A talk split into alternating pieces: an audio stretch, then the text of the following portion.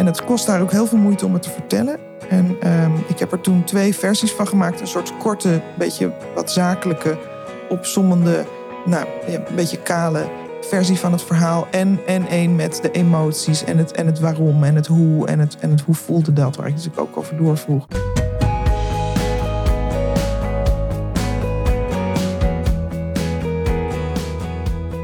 Je partner overlijdt. Hoe ga jij nu verder? Via contact met lotgenoten en in samenwerking met onze partners bieden we een luisterend oor en pakken wij problemen van nabestaanden aan. Wij leveren support voor jou na het verlies van je partner, ongeacht de vorm van je relatie of je seksuele voorkeur. In onze podcast Widow Talk praten we over ons verlies en interviewen we andere weduwen, weduwnaars en bedrijven die nabestaanden helpen hun leven weer op orde te krijgen. Welkom, fijn dat je luistert.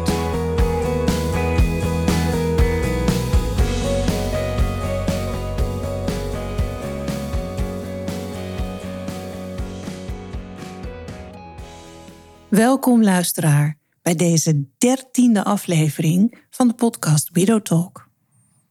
Vandaag heb ik weer iets heel moois voor jullie. Ik ga in gesprek met Hanneke Kiel.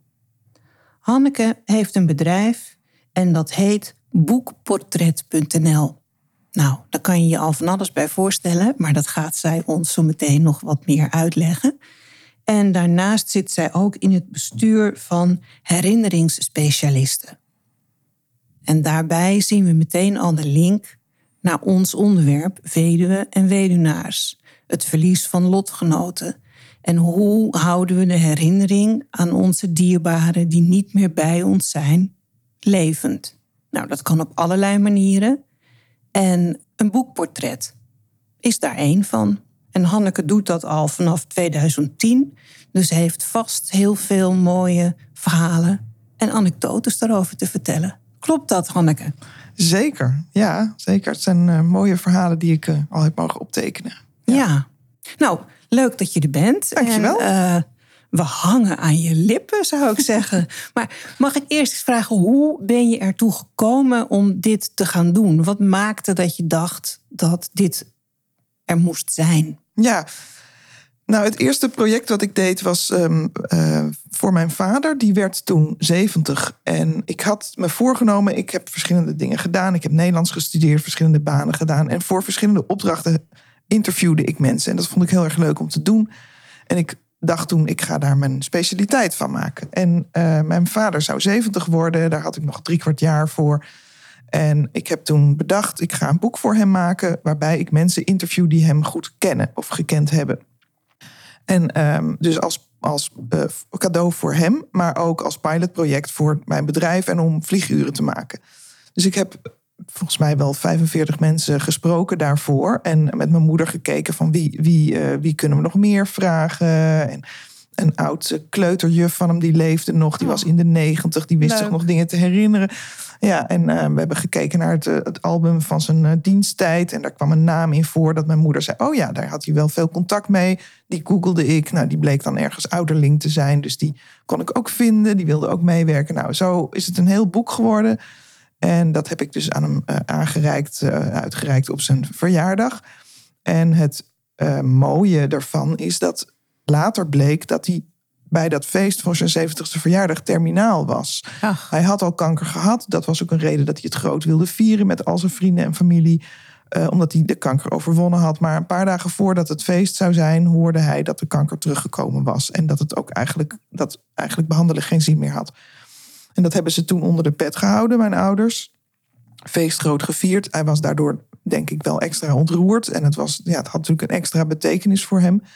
En toen ik het boek maakte, zeiden mensen ook wel van het, het, het, dit zijn een beetje de teksten die je heel vaak bij een uitvaart hoort. Dat je dan denkt, oh wat een, wat een bijzondere man. Dit wist ik allemaal niet van hem. En dat je dan denkt, wat jammer eigenlijk dat die persoon dat niet meer hoort. Hè? Die, ja. die, die, is er dan niet meer. En, en dat vond ik dus heel mooi om die teksten juist bij leven op te tekenen. En te weten dat hij dat nog kon lezen. Ja. Al die verhalen van al die verschillende mensen die hem kennen en kenden uh, uit verschillende perioden van zijn leven. En gaandeweg hebben, we, hebben mijn moeder en, ik ook wel gezegd... nou, het moeten niet allemaal halleluja-verhalen worden. Hoor. Er mogen ook wel wat randjes uh, aan zitten. Dus we gingen ook op zoek naar ook iemand met wie die uh, een, aanvaring had gehad. En nou ja, dus dat dus een beetje proberen die nuance te zoeken. Beetje de imperfectie ook. Precies, ja. ja, ja. ja. en uh, dat is ook gelukt. Nou ja, en het was natuurlijk een heel bijzonder cadeau. En, en nou ja, het boek heette Dit is Job... 70 jaar Job in, in woord en beeld. En hij is dus ook nooit meer 71 geworden, want hij, hij is binnen dat jaar gestorven. Dus daarmee is het ook echt wel een heel bijzonder, uh, bijzonder eerste project geweest uh, wat ik maakte. Ja. En, uh, um, nou ja, daar, daaruit ben ik, ben ik doorgegaan eigenlijk. En um, mijn idee was dus boekportret is een, is een boek wat je maakt door anderen te interviewen over die persoon. En toen werd ik een keer gevraagd van, uh, maak je ook een levensverhaal? Kan je ook iemand zelf interviewen? Nou ja, dat, dat kan. En uh, dat uh, eerste levensverhaal, dat kwam ik vorig jaar geloof ik weer tegen. Want die vrouw die overleed, was inmiddels overleden. En die kinderen zeiden van het is zo bijzonder dat je, dat je toen dat, dat, het was een magazine op basis van twee interviews heb ik gemaakt. En ze zeiden van het is zo bijzonder nu, het heeft nu extra waarde gekregen. Het lag ook bij haar kist, bij de, bij de. En, um, en ze zeiden ook van je, je, je hebt het net op tijd gemaakt, want eigenlijk vlak daarna begon ze te dementeren. En, ja. Uh, dus ja, ja, en dat weet je natuurlijk nooit precies, zeg maar, hoe laat het is om, uh, om Joep van Teck aan te halen.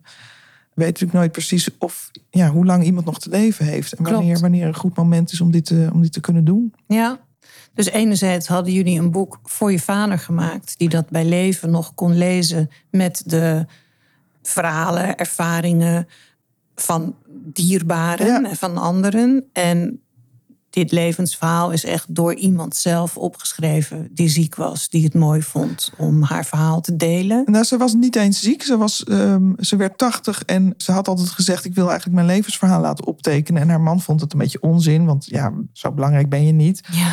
ja dat zeg ik ook wel, hoor ja. ik ook wel vaak. En, en uh, de buren en de kinderen die hebben dat als cadeau gegeven. Dat ik dat ging optekenen voor haar. En, uh, en zij vond dat heel fijn om, om haar verhaal te vertellen. En daar heb ik dus een magazine van gemaakt met, met foto's. En dat kreeg eigenlijk na haar dood nog weer een extra, extra uh, ja, waarde, zeg maar. Ja. ja. ja. Mooi. Ja, ja. zeker.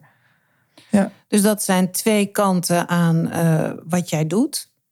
Nou, onze luisteraars die hebben meestal een dierbare verloren. Mm -hmm. Dus je kan je voorstellen dat als iemand hoort dat hij of zij uh, terminaal ziek is, mm -hmm. dat ze dit traject in kunnen zetten. Zeker. Maar je kan je ook voorstellen dat een nabestaande zegt van hé, hey, ik vind het toch mooi om hier iets uh, mee te doen. Ja, nou. En we hebben Veronique hier gehad. Die ja. heeft dat boek dat dan ingevuld wordt, hè, waar letterlijk ingeschreven en geplakt wordt. En getekend of wat dan ook door mensen. En jij doet dat weer op jouw manier, ja. door zelf Precies. Uh, te ja. schrijven. Ja, nou, ik heb eigenlijk de twee dingen die je net noemde, daar heb ik van, van allebei een project gedaan. Dus ik heb een, een, het levensverhaal van een man opgetekend die wist dat hij ALS had. Die wilde heel graag uh, zijn levensverhaal op papier. En nou, ik merkte ook echt bij ieder interview. Ik ben geloof ik vijf keer bij hem geweest. Bij ieder interview merkte ik dat hij minder kon met zijn handen, met name. En uh, zijn vrouw zat er ook altijd bij en die hielp. En, maar je, je zag hem echt achteruit gaan. En ik heb ook echt het gevoel dat, dat het, het, het optekenen van zijn levensverhaal, dus het vertellen in die, in die, in die vijf sessies, hem ook echt een, een reden gaf om nog door te gaan. Wat heel tragisch was eigenlijk, was toen ik het boek kwam brengen. Dus ik had een hele doos boeken. Hij ging het uitdelen aan al zijn vrienden en, uh, en familieleden. En, uh, en toen, toen zei hij van, uh, van ja, waar, zei hij letterlijk, wat heb ik nu nog om voor te leven? Oh. En hij is ook niet, niet heel lang daarna is, is hij overleden. Dus ik, ik had ook het gevoel van, van, ik heb zijn leven een beetje waarde gegeven. En misschien ook wel, wel opgerekt zelfs. En, en dus het, het, het, optekenen van het verhaal gaf hem gewoon echt een soort uh, nou, gevoel van, van eigenwaarde of rust misschien ook wel. Ik, ik, noem het ook wel vaak de regie nemen over hoe jij herinnerd wil worden. Want, ja, want ja. dat boek, dat is er dan. Dit is, dit is jouw leven. Um, en ja, dus je, je, je, je neemt daar zelf de regie dan in. Een ander project wat ik heb gedaan uh, was voor een, een weduwe. Um, ik sprak een uitvaartbegeleider en ik vertelde wat ik deed. En ik zei, nou, ik kan het natuurlijk ook doen als iemand overleden is. En zij uh, had toen net een, uh, een, een, net een crematie achter de rug. En ze zei, ik denk dat, dat deze weduwe daar heel erg geholpen mee kan zijn. En zij kende die man al vanaf nou, kindertijd. Zij was letterlijk de girl next door. En dus zij kon zijn levensverhaal ook vertellen. En dat heeft ze gedaan. En ik heb ook de teksten die gesproken zijn bij de uitvaart daarbij gevoegd waar dat, nou ja, waar dat paste in het verhaal. Als een soort kaderteksten heb ik die erbij gedaan. En ja, dat hielp haar heel erg in haar rouwproces. Dat, uh, dat merkte ik echt. En uh, dat was ook weer een heel mooi project. Het maken daarvan uh, hielp haar. Ja, ja. ja, ja zeker. Ja. Om, ja, om, het, om het letterlijk een plek te geven eigenlijk in een, in een boek of een, of een, of een magazine. En en dat dan ook weer te delen met, met vrienden en familie. Dat, ja, dat is, gewoon een heel mooi iets om in je rouwproces. En het is zeker niet voor iedereen. Maar het kan gewoon heel erg helpen om dat, uh, om dat op die manier ja, vorm te geven. Ja. ja. Ja, ik weet, toen ik met Veronique zat te praten, vertelde ze mij dat iemand had gezegd van, nou, ik was mijn beste vriend verloren. Ja. En zij dacht alleen maar, ik ben mijn vader verloren. Hè? En that trumps it all. Ja. Bedoel, dat, dat, hallo, dus mijn vader. En daar kan niemand aan tippen. Behalve dan misschien haar moeder, die haar man was verloren. En ze zei, toen realiseerde ik me dat het niet alleen mijn verlies was. Maar dat heel veel mensen dat verlies uh, kunnen voelen. Ja, ja. Daar sta je niet echt bij stil, weet ik uit ervaring. als het uh, voor jou een heel groot verlies is. Ja, ja. Nee, en dat is heel mooi. Dat, je, dat heb ik in het project voor mijn vader ook ontdekt. Dat iemand verschillende rollen heeft. En dat heel veel mensen zeiden: Oh, hij was echt een soort mentor voor mij. Een voorbeeld. Hij heeft me heel erg uh, gecoacht en geholpen. En dat is natuurlijk een rol die ik niet kende, want ik kende hem als vader. Dus dat was echt een hele bijzondere, voor mezelf ook een hele bijzondere ontdekkingstocht. Van wat voor mens was mijn vader? En hoe werd hij door anderen ervaren? En uh, ja, dat is heel waardevol. Ja. ja. En dan zie je waarschijnlijk ook dingen dat je denkt, nou, dat heb ik nooit gezien. Of wat jammer dat ik dat nooit uh, geweten heb. Ja, zeker. Ja. ja. ja. En hoe, hoe gaat zo'n traject bij jou? Kan je daar eens iets over vertellen? Hoe vinden mensen bij jou en, en, en hoe gaat dat dan in zijn werk? Um, ja, dat is. Um, de meeste opdrachten komen via via. Ik, ik, ben, een, ik ben een netwerker geworden. Ik ben uh, bij verschillende netwerkclubs aangesloten. Ik, ik, noem dit altijd heel veel. Het is, ik noem het het zaaien, want heel vaak komt er dan pas na drie jaar komt iemand bij me van ja, ik heb jou toen ja. ontmoet en ik heb dat toen onthouden. En, en dus op die manier komen opdrachten. Opdrachtgevers zijn soms de persoon zelf, zoals die, die meneer die terminaal was. Die wilde zelf heel graag zijn levensverhaal op papier. Maar heel vaak zijn het de kinderen die, um, die belangrijk vinden dat die verhalen bewaard blijven. Of bijvoorbeeld dus een weduwe, uh, die dus vindt dat het verhaal van een ander opgetekend moet worden. Ook om wat ik zei eerder, van zo belangrijk ben ik niet, dat denken heel veel mensen. Maar die kinderen vinden het dan heel belangrijk dat die verhalen op papier komen. Ik heb altijd eerst een kennismakingsgesprek met degene die ik ga interviewen. Vaak met dat kind samen dan omdat ik het heel raar zou vinden om ergens binnen te stappen, mijn tas neer te zetten, mijn apparaatje, opnameapparaatje aan te zetten en de eerste vraag te stellen. Dat lijkt me heel ongemakkelijk. Het is toch heel persoonlijk wat je deelt met elkaar. Ja, ja. Dus ik vind het belangrijk dat je eerst een kennismaking hebt. Ik zeg ook altijd, als, als er geen klik is, dan, dan even goede vrienden en dan niet. Dat is nog nooit gebeurd, maar dat, dat, dat zou gewoon prima kunnen. Theoretisch kan dat natuurlijk. Ja, ja. zeker. Ja. ja. En dan maken we een afspraak. En dan, ja, ik schat dan vaak een beetje in hoeveel interviews het, het gaat behelzen. En dat is lastig inschatten, maar ik begin er wel, ik heb er wel een gevoel voor ontwikkeld. En dat kan dan ja, uh, van twee tot vijf, zes interviews. Ik heb laatst het negende interview gehad voor een levensverhaal. Ja. Um, en um, die, ja, die meneer had gewoon heel veel meegemaakt. Dus daar zat heel veel stof in. Vaak laat ik daar twee weken tussen zijn, tussen de interviews, omdat het dan een beetje kan, kan bezinken en dan kan ik het uitwerken. Maar um, als iemand terminaal is en, en echt nog maar een paar maanden heeft, dan, dan zou dat gewoon in een kortere tijd kunnen. Dat, um, ja, ik zou zelfs in een, in een week een paar interviews kunnen doen. Dat is dan wel heel intensief. Maar als het echt nodig is, dan zou dat kunnen. En um, de uitwerking kan ook natuurlijk, dat, dat is dan echt vers 2. Dus je zou kunnen zeggen, ik lever het op als platte tekst. Uh, als iemand terminaal is bijvoorbeeld. En, en dan kan je ook pas veel later nog denken over de uit, uitwerking ervan en de vormgeving. Ja. Dus dat, Ja. dat kan echt als twee losse projecten naast elkaar bestaan eigenlijk. En in de meeste gevallen ga ik dan na de interviews ga ik de tekst helemaal uitwerken. Die laat ik altijd lezen aan de geïnterviewde en ook aan de opdrachtgever als dat een ander persoon is. En ik zeg er ook altijd bij, als er dingen zijn die je eruit wil hebben, dan kan dat altijd nog in ieder stadium. Ehm, want mensen merken vaak wat je mondeling zegt. Als je dat op papier ziet, komt dat vaak wat harder over. Ja, dat, dan kan je nog wel eens met geknepen billen zitten van... nou, dat is niet helemaal hoe ik wil dat dat eh, de wereld ingeslingerd wordt. Precies. precies. Je hebt mensen, hè, iemand die zegt dan van... nou, die tante, dat was echt een rot mens. Ja, als, op papier ziet dat er gewoon heel hard uit. Dus dan kan je beter zeggen een, een apart type of zo. Of, uh, hè, dat, nou ja, daar kies je dan andere woorden voor. Maar ook als, als iemand later zegt... nou, die hele passage over die tante, laat eigenlijk maar. Want het is eigenlijk helemaal niet relevant. En ik heb het, ik heb het, ik heb het gezegd, het heeft me opgelucht om het er even uit te gooien maar het hoeft eigenlijk niet in dit boek. En dat kan in ieder stadium. Want de tekst is van die persoon die ik geïnterviewd heb. Ik probeer altijd de woorden zo neer te zetten. Daarom maak ik ook een opname. Dat het klinkt alsof die persoon het vertelt. Maar ik, ik, ik, nou ja, ik, ik maak daar wat, wat knips in. Of ik zet wat dingen bij elkaar die logischer bij elkaar horen. Dus het, het wordt een soort logisch verhaal. Wat, wat klinkt als, alsof die persoon het zo verteld heeft. En Ehm, maar die tekst is uiteindelijk van die persoon zelf. Dus die, die moet daar zelf een goed gevoel over hebben.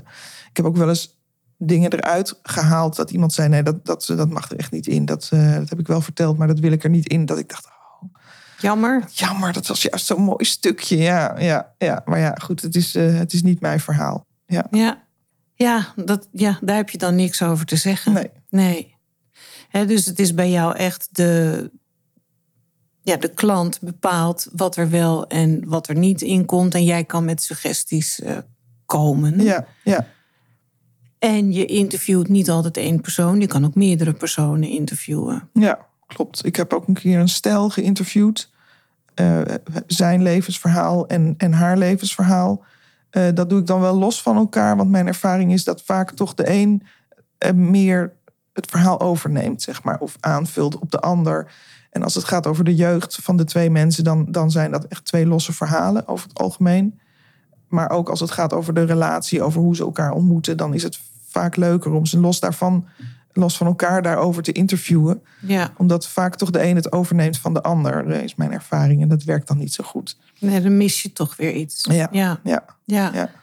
En je vertelde ook dat je wel eens iets gebruikt uit uh, voordrachten of speeches die op uitvaarten gebruikt zijn. Dus je, dat is ook materiaal wat je opvraagt of krijgt. Ja, fotomateriaal. Zeker. Ja, of, of dagboeken. Dat is natuurlijk ook heel waardevol. Oh, hoe, je, hoe je iets ervaarde toen je, toen je twaalf was bijvoorbeeld. Ja, nee, dat zeker. Ja, ja, ja. Ik heb trouwens ook een keer een levensverhaal opgetekend. Zit ik nu te denken voor een weduwnaar. De dochter kwam met dat idee. Haar beide ouders waren uit Nederlands-Indië uh, gekomen, uit in de jaren 50. En haar vader was nu voor de tweede keer weduwnaar geworden. Um, en vertelde opeens heel veel over Nederlands-Indië, wat hij nooit deed. En ze zei van ik wil die verhalen opgetekend hebben. Dus ik heb hem geïnterviewd over zijn levensverhaal. En haar oom over het levensverhaal van haar moeder. Omdat haar moeder dus overleden was. En de vader, de oom natuurlijk, nou ja, ongeveer dezelfde jeugd had. Hoewel die ook wel soms een andere kijk erop had. Maar uh, die heeft dus verteld over haar moeder. En dat heb ik in het boek ook echt naast elkaar. Omdat die hoofdstukken van kindertijd, jeugd, studie, uh, dat liep een beetje parallel aan elkaar. En die verhalen leken op elkaar, maar waren echt wel verschillend. En op het moment dat ze elkaar ontmoeten, werd het een gezamenlijk hoofdstuk. En, uh, en vertelde de, de vader daarover, zeg maar. En ja, dat is een heel mooi, heel mooi, heel mooi, ja, ook echt een tijdsbeeld geworden. Van Nederlands-Indië voor de oorlog, zeg maar. Ja, ja heel ja. bijzonder. Klinkt al uh, interessant. Ja. Ja, ja. En als je nou zo'n boek gemaakt hebt, dan worden er meerdere exemplaren van besteld, die ook naar familieleden gaan? Of wat, wat, hoe, hoe werkt dat? Ja, dat vraag ik altijd. Denk erover na aan wie je het wil geven. Uh, ja, kijk even ja, wie, wie dat zijn, welke groep veel. En dat, ja, dat kan werkelijk van, van 2 tot, uh, tot 50. Dat maakt, uh, maakt eigenlijk helemaal niet zoveel uit. Het is natuurlijk makkelijk nu met printing on demand dat je. Uh, ja, het boek, het maakt niet, ook in kosten niet zo heel veel uit of je er twee of vijf, nou wel iets, maar niet, niet, niet ongelooflijk veel. Het is niet dat je, dat je er meteen 200 hoeft te, hoeft te bestellen. En uh, ja, de boeken die ik maak zijn over het algemeen ook niet voor de boekwinkel. Dat, dat zeg ik er ook altijd bij. Dat, is een, ja, dat vind ik een andere tak van sport. Als je een, eh, biografie hebt waarvan je denkt, oh, dat is interessant voor de wereld. Dat, ja, dat, dat vind ik een andere tak van sport. Ja. Ja, Jij doet het echt voor personen die daar zelf wat aan hebben. ja, Ja. ja, of die dat zelf willen nalaten voor hun dierbaren. precies. Ja, Ja. Ja. Want ik zie, dat ziet de luisteraar natuurlijk niet, maar jij zit voor me met verschillende boeken, mooi ingebonden of gebonden, hoe Ja. noem je dat? ja gebonden. Gebonden, Ja, ja. harde kaften. Maar ik zie ook twee magazines eh, liggen. De-. Het lijkt een soort tijdschriften. Kan je daar iets over vertellen? Ja, ik, toen ik begon, dit is dus het boek voor mijn vader waar ik over vertelde. Dat was het eerste ding wat ik maakte, het eerste, eerste product. En toen merkte ik dat, ehm, dat mensen dat best wel hoogdrempelig vinden, zeg maar. Eh, een boek, ja, ook, het heeft ook iets van, nou, zo, zo belangrijk ben ik niet. En toen kwam eh, die vrouw die, die Even, 80 even werd. voor de luisteraar, dat is een mooi gebonden boek en er staat op: Dit is Job. En dat ziet er toch wel uit als een wat meer serieus eh, boek. Met allemaal kleine fotootjes, horizontale lijn. Dus Ja. een mooi, beetje ouderwets ogend boek. Ja, en wel ook de, Met- bij, bij de vormgeving is het wel een beetje magazine-achtig met, met artikelen, Ja. titels, heel veel, Ja. heel veel foto's en van die, van die teasers ertussendoor, zo'n citaat wat in een andere kleur, groter Ja. lettertype. Dus ik, ik heb het al wel echt magazine-achtig eh, vormgegeven. Dus ik, ik doe de vormgeving zelf voor particulieren. Als ik grote projecten doe voor, voor bedrijven, dan, dan heb ik daar eh, samenwerking met vormgevers die dat doen. Maar voor particulieren doe ik het zelf. Ja, het ziet er totaal niet saai uit. Ik kan me voorstellen dat dat lekker leest, ja. Ja, dank je. Ja, Ja, ja. ja. Ja, en ik, ik vraag ook altijd om heel veel foto's, omdat die verha- de verhalen illustreren de foto's en de foto's illustreren de verhalen. En daarmee heb ik ook een soort bloemlezing uit, uit jaren fotoalbums, eh, wat voor kinderen volgens mij ook heel prettig is. Ja, En maar, maar Wendelin bijvoorbeeld, die werd, die werd 80 en die wilde dus haar levensverhaal opgetekend. En, toen, en dan was een boek was gewoon een beetje te zwaar, een beetje te, ja, te hoogdravend. Dus dan was zo'n magazinevorm was, was heel geschikt. En eigenlijk ja, de, dezelfde stof die ik in een magazine doe, zou ik ook in een boekje kunnen, kunnen doen. Dat maakt eigenlijk niet zo heel veel uit. Maar voor mensen heeft het wel gewoon een ander, ander gevoel, een, een, een magazine. Het heeft iets minder dan ben je minder belangrijk of zo. Dus, dus voor, die, voor die weduwe die eh, het levensverhaal van haar man opgetekend wilde eh, hebben, die heeft ook gekozen voor een magazine. Ehm, die vond het ook, ja, die zei ja, een boek. Dat, ja, dat, dat, dat heeft iets zwaars voor sommige mensen. Hoewel de, de laatste tijd maak ik eigenlijk alleen maar boeken. Mensen, als, dan, dan zeg ik het kan in een magazine, het kan in een boek. En dan vinden ze een boek toch ja, wat blijvender of zo. Wat, wat, dat heeft wat meer eeuwigheidswaarde of zo. Ehm, ja, ja. ja, een boek is wat eh, robuuster, Ja, wat standvastiger, zeg maar. ja. Magazine is meer iets waar je ook een kop koffie op kan zetten. En dat Ja. doe je op een gebonden boek niet zo snel. ja, Maar het is ook maar wat je eigen gevoel daarbij is natuurlijk. Hè? ja. ja. Want het precies. zijn wel eh, mooie magazines. Het zijn geen eh, reclamefolder eh, Nee. magazines, zeg Nee, maar. precies. Ja, Ja. Ja. Dus dat is heel persoonlijk. Er zit natuurlijk ook een verschil in prijskaartje aan. ja, dat valt eigenlijk wel mee. Want de, de, de, de prijs zit vooral in mijn uren, in het interviewwerk. En de vormgeving maakt eigenlijk niet zo heel veel uit of ik er een magazine of een boek van maak. En in drukkosten, ja, een, boek, een gebonden boek is wel een stukje duurder. Maar ja, dat zijn tientjes. Dus, het, dus de, de kosten zitten vooral in mijn uren. Mensen denken altijd dat een boek duurder is, maar dat valt eigenlijk wel mee. Nou, dan ben ik ook zo'n standaard mens die dat denkt. Nou, dat is toch jammer. Ik vind mezelf altijd zo speciaal. Dat valt dus weer tegen. Ehm, ik kan me voorstellen dat het ontiegelijk mooi is en leuk is ook om dit te doen. Dat mensen jou dat kijkje gunnen in hun leven. Dat is ook een soort cadeautje, vind ja, je niet? absoluut. Ja, zeker. Ja, ja. En iedere keer opent er weer eens een nieuwe wereld. Eh, dan hoor je weer over turfsteken, waar ik weer helemaal niets van afwist. En, en, en, ook, en ook doorsteekjes dat ik denk, oh wat leuk, die vertelt dit. En dat, dat zat ook een paar jaar geleden in dat verhaal. Of ja, overeenkomsten in katholieke jeugd en, of juist eh, protestante achtergronden. Dat ik denk, oh ja, dat, dat komt overeen met dat verhaal. Ja, dat is, het is een enorm eh, boeiende reis altijd die je maakt. Ja, ja, heel Ja. bijzonder. Ja. Heb je daar nog anekdotes van waar je iets over kan vertellen? Of eh, interessante of spannende dingen of gênante dingen? Nou, ik heb wel eens een vrouw geïnterviewd die, ehm, die zei: ja, Ik heb geen kinderen, maar ik wil toch graag mijn levensverhaal opgetekend hebben. En dat is best bijzonder, want meestal doen mensen het voor hun kinderen. Ja. Maar zij had geen kinderen en juist daarom, denk ik, wilde ze dat op papier hebben om ja, voor te leven eigenlijk. Hè? Want wat laat Ja. je achter dan? Ja. En zij wilde het dan voor haar nichtjes. Ze wilde vooral ook het verhaal verteld hebben van haar, van haar ouders en het, en het wegenbouwbedrijf dat haar vader had opgezet. En ze wilde ook een stamboom erin. Ehm, en zij had wel een heel bijzonder verhaal eh, hoe ze haar man had ontmoet. En dat hij toen, dat zijn moeder was heel erg tegen de verhouding tussen hun. En zij heeft toen echt wel 40 jaar of zo op hem, op hem zitten wachten. En is dus vrijgezel gebleven. Jemig. En uiteindelijk is toen de moeder overleden en, en kon zij met die man trouwen. En het tragisch is dat hij, dat hij een paar jaar daarna overleed. Ze waren toen ook echt al in middelbare leeftijd. En hij is toen, hij is toen ziek geworden en is overleden. Ik vond dat zo'n tragisch verhaal. En het kost daar ook heel veel moeite om het te vertellen. En ehm, ik heb er toen twee versies van gemaakt. Een soort korte, beetje wat zakelijke, opsommende, nou, ja, een beetje kale versie van het verhaal. En, en één met de emoties en het, en het waarom en het hoe en het, en het hoe voelde dat, waar ik natuurlijk ook over doorvroeg.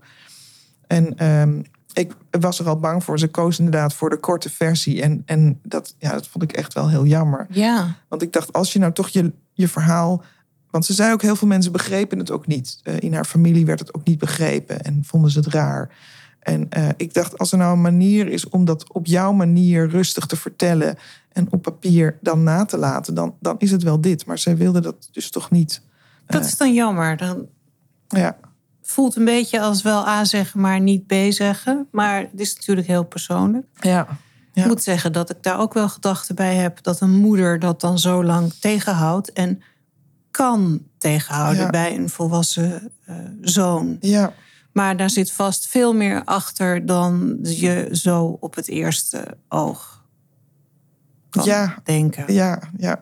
Iedereen maakt keuzes en, en ja, je kan er dingen van vinden. Ja. Maar dit, dit was wel, ehm, ja, dit was, eh, dit was wel heel jammer dat deze er niet in kwam. Maar ja, nogmaals, het is niet mijn beslissing. Ja, Nee, Ja. nee. En dan kan je ook niet stiekem alsnog zo'n boekje ergens eh, met het hele verhaal wel Nee. tussen vreubelen. Nee, Dit is de keuze van de klant uiteindelijk. precies. Ja. Ja. En zij was tevreden met het korte verhaal. ja, ja, zij wilden het er zo in. Ja, ja Ja, nou ja, dat heb je dan te accepteren. precies. Ja. En weet jij hoe die familie daarop gereageerd heeft? Of krijg je dat niet meer mee?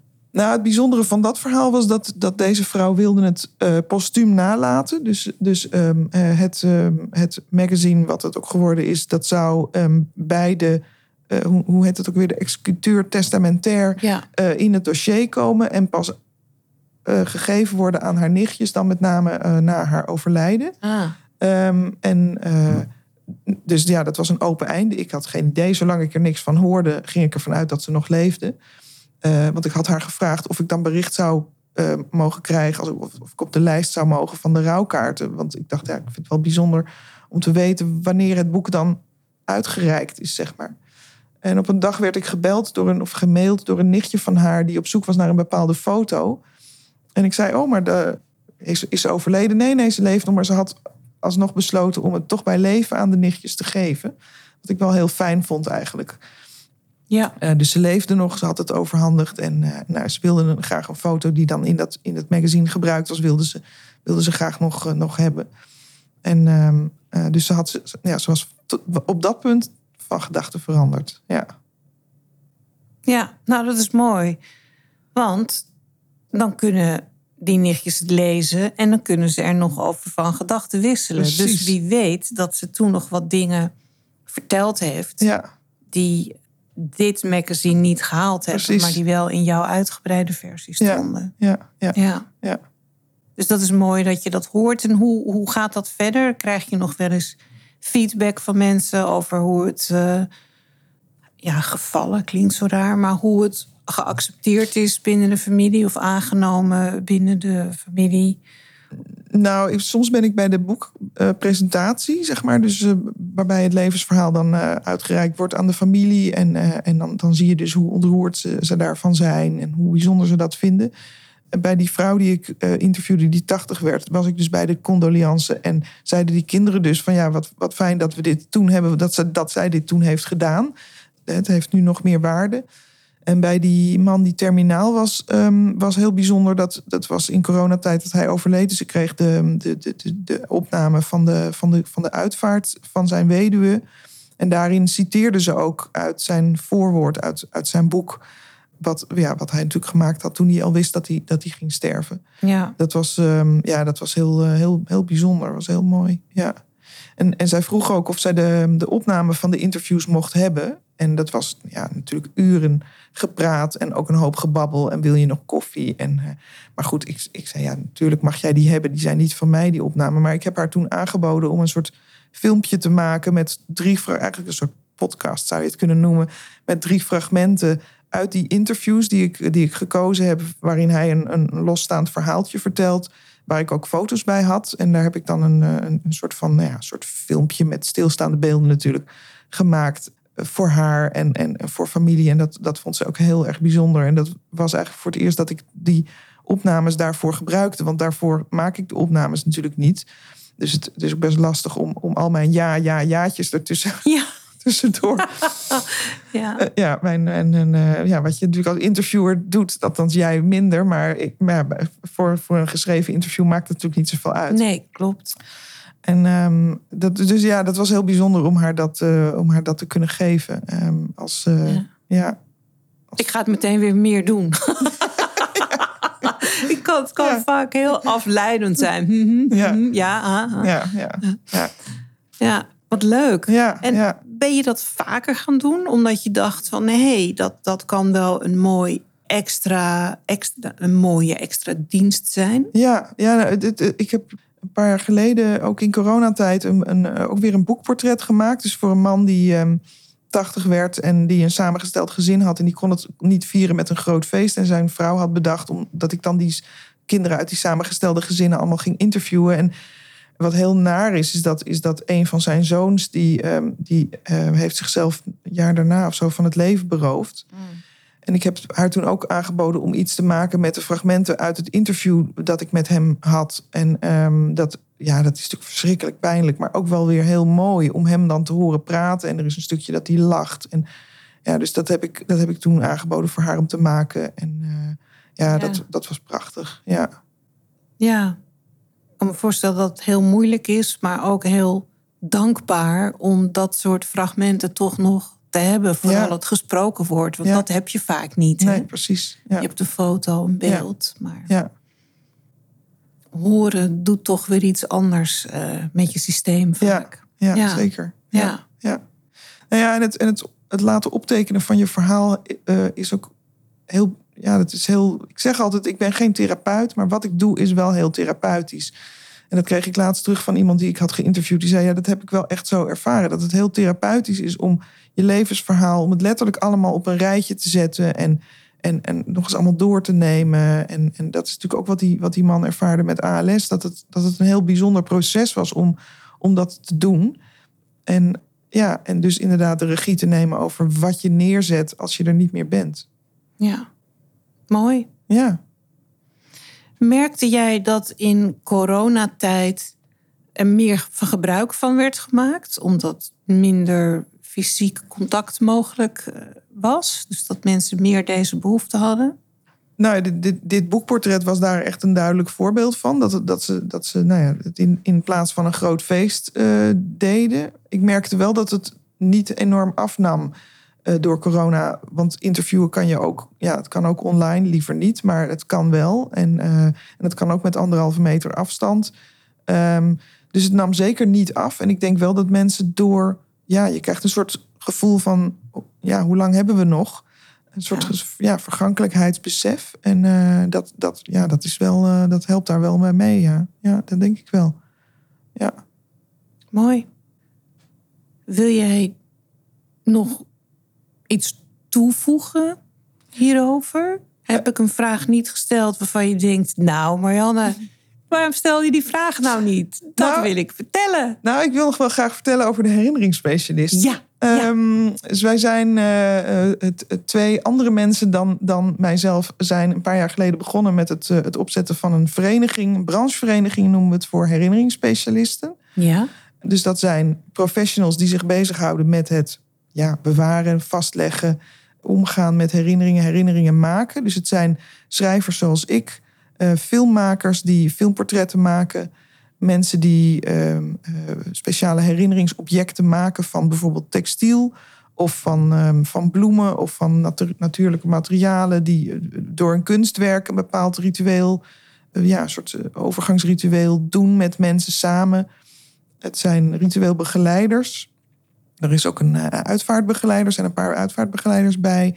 En, en allemaal zeggen we van, van het is belangrijk om herinneringen vast te leggen, te bewaren, om daar stil bij te staan, op, eigenlijk op, op ieder moment van het leven, ieder, ieder overgangsmoment. Dus, dus vaak is het de dood, maar het kan bijvoorbeeld ook zijn als de kinderen het huis uitgaan of bij een verhuizing of ja, wel, welke overgangssituatie eigenlijk dan ook, is het belangrijk om na te denken van hoe, hoe, wil, ik het, hoe wil ik het herinneren, wat wil ik vasthouden, wat wil ik vastleggen.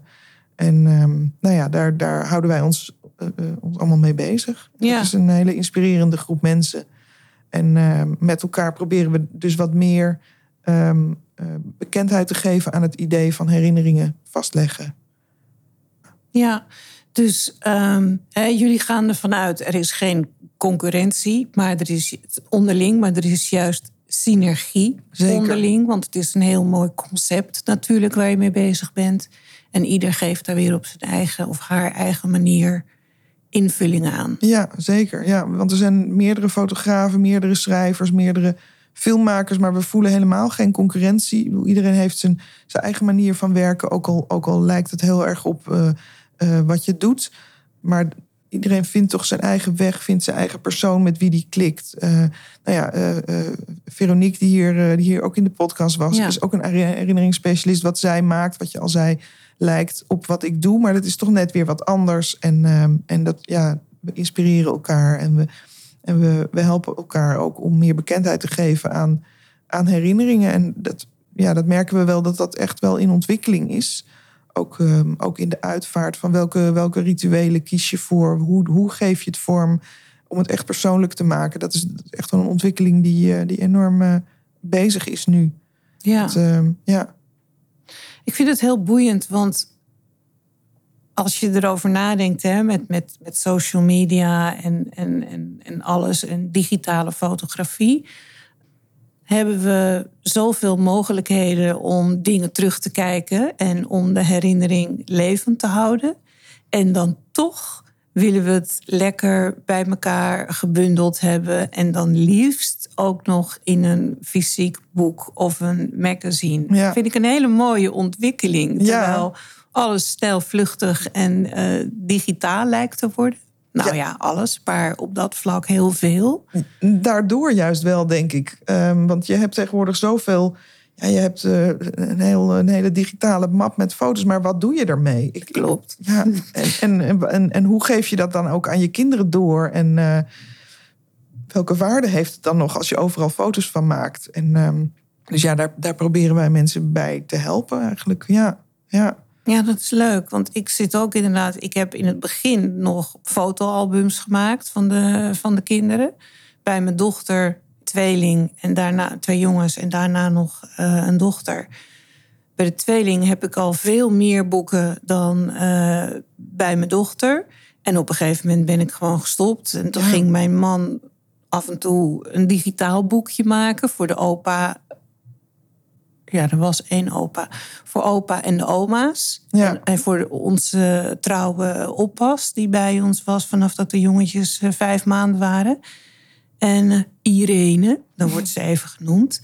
En ja, dat was het dan. En naar de rest van de foto's keek je helemaal niet Nee. meer. En Philip koos dat uit. En, En, en dat is al een heel moeilijk proces. Want Ja. welke kies je dan wel en welke niet? En ze zijn eigenlijk allemaal leuk en overal zitten herinneringen aan. Maar je hebt er gewoon veel te veel. Het is, eh, het is gewoon niet meer te doen. Ja, ja. Ja, leuk is dat. Dus ook, luisteraar, dat is goed om je te realiseren. In deze tijd dat je denkt van ja, maar we hebben toch zoveel op Facebook of in onze fotomap. Ja, Maar dan zit het verhaal er niet bij, dan zit de lijn er niet bij, dan zit het gevoel er op een hele andere manier bij dan wanneer je zo'n boek hebt. Ja, precies. Of een magazine. Ja, En het is ook wat jij zegt, je gaat dan niet lekker op de bank zitten met een, met een lach en een traan. Hè, als het echt om iemand gaat die, die al overleden is. Maar dat doet iets wat je kan vastpakken en aanraken, doet dat wel. zeker. Ja. Zeker. Ja. Ja. ja. Mooi. Dankjewel. Graag gedaan. En ook een mooi initiatief van die eh, herinneringsspecialisten. Dat je, ja, het is toch een hele aparte branche eigenlijk. Waar heel veel mensen denk ik nooit van gehoord hebben. Zeker. Maar dat, dat, elkaar, dat, hè, dat mensen elkaar dan ook zo opzoeken. Om met elkaar ook te kijken van hoe, hoe kunnen we dit zo goed en zo mooi mogelijk eh, invullen. En zo mo- zoveel mogelijk met elkaar groeien. Zeker. Ja. Ik ben nog niet zo ver om mijn eh, memoires eh, op te tekenen. Ik ben niet belangrijk genoeg, zeggen we dan. Maar ik kan me er wel iets bij voorstellen, ja. Ja, Ja. Nou, je bent welkom. ja dankjewel. Ik zou het natuurlijk al voor Philip kunnen doen, bedenk ik me nu. Nou, ik ga daar zelf eens over nadenken in ieder geval. En luisteraar, misschien word jij ook ge- getriggerd hierdoor... om er eens eh, naar te kijken. Wat is je website? Boekportret.nl. Nou, dat is eh, niet zo heel moeilijk om te onthouden. Nee, toch? Ja, heel mooi. Dank je wel voor het delen van je verhaal en voor dit eh, mooie product en deze mooie dienst die je levert, waar ik denk heel veel mensen blij van worden. Dankjewel. En dankjewel voor dit mooie gesprek. Ja, graag gedaan. Nou, luisteraar, dit geeft mij in ieder geval toch weer nieuwe inzichten. En ik hoop jou ook. Dat je op deze manier heel, een heel mooi boek of magazine kunt laten maken. Waarbij je de regie uit handen geeft. Door iemand die alles dan in de hand heeft en zorgt dat er een heel mooi samenhangend geheel ontstaat of alleen uit jouw mond opgetekend of eh, gedaan. Verschillende mensen die jij dan zelf hebt uitgekozen. Om te zorgen dat je een herinnering creëert die jij waardig vindt voor de persoon die je wilt herinneren. Of een herinnering die jij zelf wil achterlaten voor jouw dierbaren. Ik vind dat eh, zelf een hele mooie bijdrage weer aan hoe wij willen dat we zelf herinnerd worden of hoe wij ons dierbaren willen herinneren. Dus ik hoop dat jullie hier iets aan hebben en door geïnspireerd eh, raken. Wil je meer weten over wie ik ben, Marianne Heemskerk, en waar ik voor sta? Kijk maar eens op de website widowsandwidowers.nl. Als je denkt dat dit onderwerp interessant is voor iemand die je kent, laat het ze alsjeblieft weten. Deel deze podcast en we stellen het erg op prijs als je je gaat abonneren op deze podcast. Iedere week komt er weer een nieuwe aflevering uit. Iedere keer weer een ander onderwerp. Dus het blijft altijd spannend. En uh, even een review achterlaten vinden we ook altijd heel erg fijn. Liefst de positieve natuurlijk, maar eerlijkheid duurt het langst. Dus uh, kom maar door. Dankjewel voor het luisteren. Dag.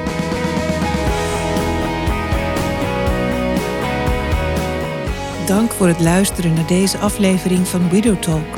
Als je meer wil weten, ga naar de website widowsandwidowers.nl of klik op de link in de show notes. Daar vind je meer informatie over alles wat we doen, onze shop en ook een overzicht van de eerdere podcasts. We horen graag je feedback via mail en social media. Stay tuned, tot de volgende keer.